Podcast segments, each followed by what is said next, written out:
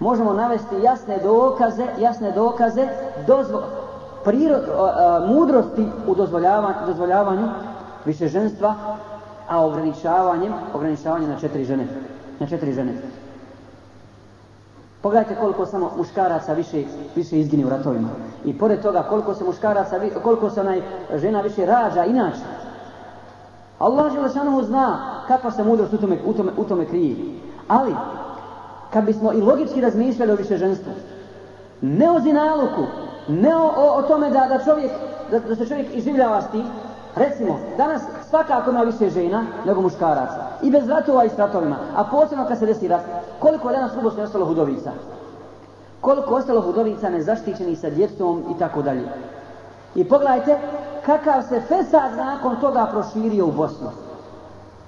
Kakav fesad se proširio i koliko se zinaluka počini te žene koje ne znaju za vjeru, koje ne znaju za pravi put, koje su došle, ušle u čist, čiste i čestite u brak, nakon toga rat im je razorio sve to, nemaju muža i onda kao djevojka nije kao, kao, žena kad se tek udala nije obešćastila svog muža, sad kad ima djecu sa njim, kad ima, kad ima potomstvo, sad radi ono što je Allah je zabranio i ruši tako svoj dom, svoju čast, svoju porodicu, svoju djecu, odvodi na krivi put, ostavlja ih po strani i zapostavlja samo zbog, svoje strasti. Ali Islam je odredio više ženstvo i mudrost je velika krije u tome.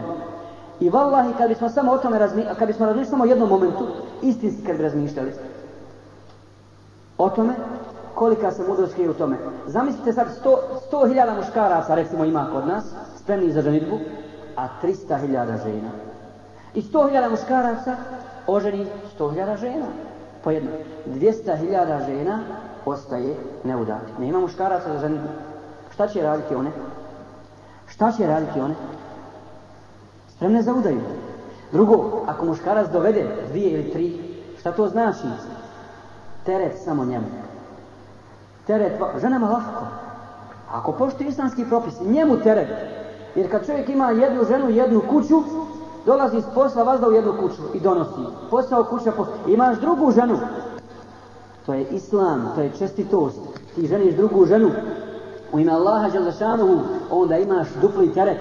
Dupli teret, dvije kuće, pa moraš donositi jednu i drugu.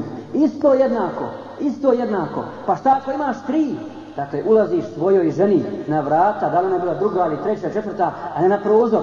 Ne stidi se toga. Dakle, vjenčao si je i prihvataš je, prihvataš je kao svoju ženu, a regularno isto kao i prvu, kao i drugu, kao i tako dalje. Ako si u stanju, ako si u mogućnosti. Wallahi, a logički dakle da razmišljamo, to je hak, to je istina od koje se ne može pobjeći. I posebno žene muslimanke protiv ovoga ne bi smjela da imaju ništa. Međutim, ja želim da objasnim, drugu, objasnim jednu drugu stvar ovdje, kad su pitanje muškarci, Kod nas danas često puta se desi da muškarci potenciraju samo ovo pitanje zbog čega.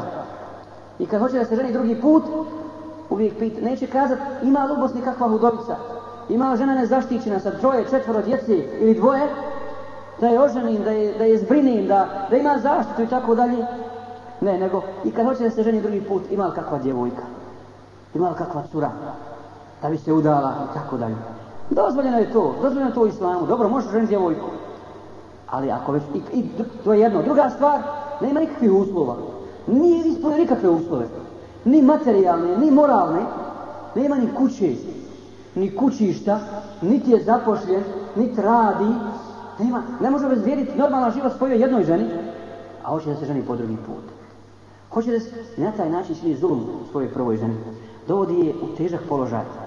Prije svega zbog njene ljubomore i neshvatanja ove situacije, a drugo zbog toga što ona vidi da on, da, zbog čega se on ženi. Samo zbog strasti, ni zbog čeg drugog. I vallahi na to moramo dobro vratiti pažnju. A otkriće se to zbog čega ti to radiš. I koji god, ko se, koji god muškara se oženio, a ima kod nas takav slučaj, u ime Allaha Đalešanovu brak je u redu. Allah je brak u redu. Između dvije i makar bile i tri žene. Nema nikakvih, nema problema. A ako se želi zbog toga pa ti ćeš psihički poremeti svoju ženu. A rastrojit ćeš je. Dakle, nemaš uslova za nju i da, nju da njoj bezbijediš uslove, a ti si to dužan. Ti si to dužan. I još se postavlja uslov, ne samo to, nego ako se ženka, e, ja bi oženio drugu ženu ako ima stan. Ako ima stan, ne, ne, ne, nego nek ima i stan. Ne bi ti ja dao taj stan, to je stan za moje dijete, a ti meni ako si muško, ako si muška i hoće ženu, onda, onda kupi kuću i kupi mi stan. Obezbedi mi, obezbedi uslove. To je pravednost Islama. To je pravednost Islama. I žene u takvoj situaciji, dakle kad muž po svaku cijenu hoće da dovede drugu ženu, a nema uslova da se razumijemo, dakle ove stvari moramo dobro razumjeti. Ne smijemo otići ni jednu krajnost. Niti žene vallahi smiju da prigovaraju na ovaj propis, jer ako, ako prigovaraju na to, znači prigovaraju na šerijat, a niti muškarci smiju zloupotrijebiti, zloupotrijebiti tu stvar, jer Allah zna što njihovim srcima. Ako to zloupotrijebi, nemaš nikakvih uslova.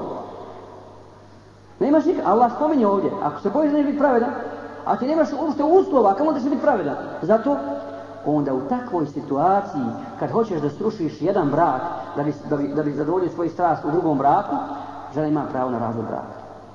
Žena ima pravo tada na razvod braka. A nema pravo ni slučajno da pomisli na razvod braka ako si ispunio sve uslove, sve šarte, nemaš nikakvih problema s tim, sigurno će biti pravedan i ona te zna kao pravedno, tada ako ona pokrene brakorazvodnu parnicu, a ti hoćeš da se želiš drugi put, odgovarat će sigurno za to na sudnjem danu i ona je kriva za rušenje, za rušenje te porodice i tog braka.